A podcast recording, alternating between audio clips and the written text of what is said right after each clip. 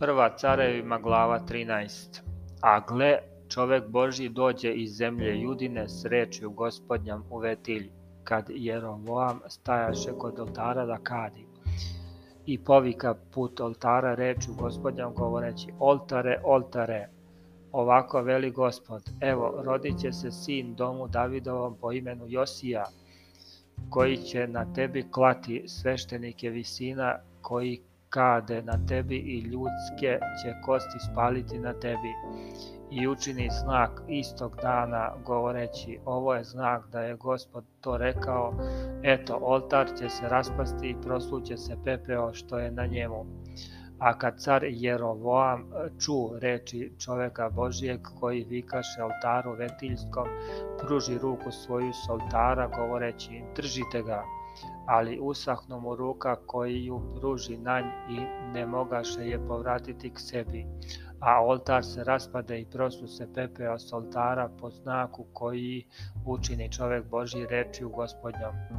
Tada car reče čoveku Božijem, pripadni ka gospodu Bogu svom i pomoli se za me da mi se povrati ruka, a čovek se Boži pomoli gospodu i povrati se caru ruka i posta kao što je bila.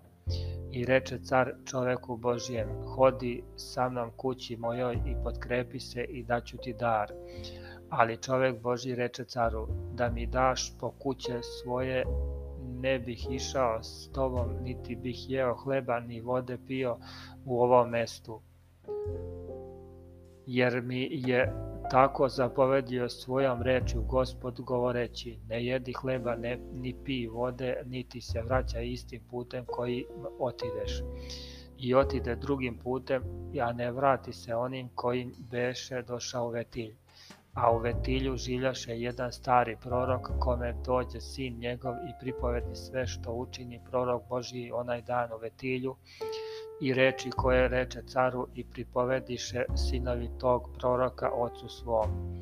A otac im reče, kojim je putem otišao, i pokazaše sinovi put kojim otide čovek Božiji, koji beše došao iz zemlje Judine. A on reče sinovima svojim, osamarite mi magarca i osamariše mu magarca, te usede na nj. I pođe za čovekom Božijim i nađe ga, a on sedi pod hrastom, pa mu reče, jesi li ti čovek Božiji što dođe iz zemlje Judine? On mu odgovori ja sam. A on mu reče, hodi sa mnom mojoj kući da jedeš hleba. Ali on odgovori, ne mogu se vratiti s tobom, ni ići s tobom, niti ću jesti hleba, ni piti vode s tobom u ovom mestu. Jer mi je rečeno reči u gospodnjam, ne jedi hleba, ni pi vode onde, niti se vraćaj putem koji otideš. A on mu reče, i ja sam prorok kao ti i anđeo gospodnji reče mi reči u gospodnjom govoreći, vrati ga sa sobom u svoju kuću, neka jede hleba i pije vode, ali mu slaga. I vrati se s njim, te jede hleba u njegovoj kući i pi vode. A kad seđahu za stolom dođe reč gospodnja proroku koji ga beše vratio i povika na čoveka Božije koji beše došao iz zemlje Judine i reče ovako veli gospod, što nisi poslušao reč gospodnju i nisi držao zapovest koju ti je zapovedio gospod Bog tvoj, nego si se vratio i jeo hleba i pio vode na mesu za koje ti je rekao, ne jedi hleba ni pi vode, zato neće tvoje telo doći u grob tvojih otaca. I pošto se prorok kog beše vratio najede hleba i pošto se napi osamari mu magarca. A kad otide udesi ga lav na putu i zakla ga i telo njegovo ležaše na putu i magarac stajaše kod njega, takođe i lav stajaše kod tela. I gle, ljudi prolazeći videše telo gde leži na putu i lava gde stoji kod tela i došavši javiše u gradu u kome žiljaše stari prorok. A kad to ču prorok koji ga beše vratio s puta, reče, ovo je čovek Boži koji ne posluša reči gospodnje, zato ga dade gospod lavu da ga rastrgne i usmrti po reči gospodnje koji mu reče. I reče sinovima svojim govoreći, osamarite mi magarca i osamariše.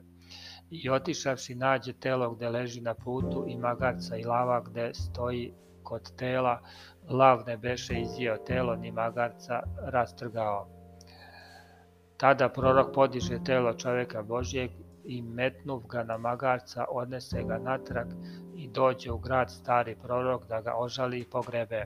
I metnu telo u svoj grob i plakahu nad njim govoreći, jaoh brate, A pošto ga pogrebe rečima sinovima svojim govoreći, kad umrem pogrebite me u grobu gde je pogreben čovek Božiji, pokraj kostiju njegovih metnite kosti moje jer će se zacelo zbiti šta je oglasio po reči gospodnjoj za oltar vetiljski i za sve kuće visina koje su po gradovima samarijskim pošto ovo bi e, opet se Jerovoam ne vrati sa svog zlog puta, nego opet načini iz prostog naroda sveštenike visinama, kogod hođaše, tome on posvećivaše ruke i taj postajaše sveštenik visinama.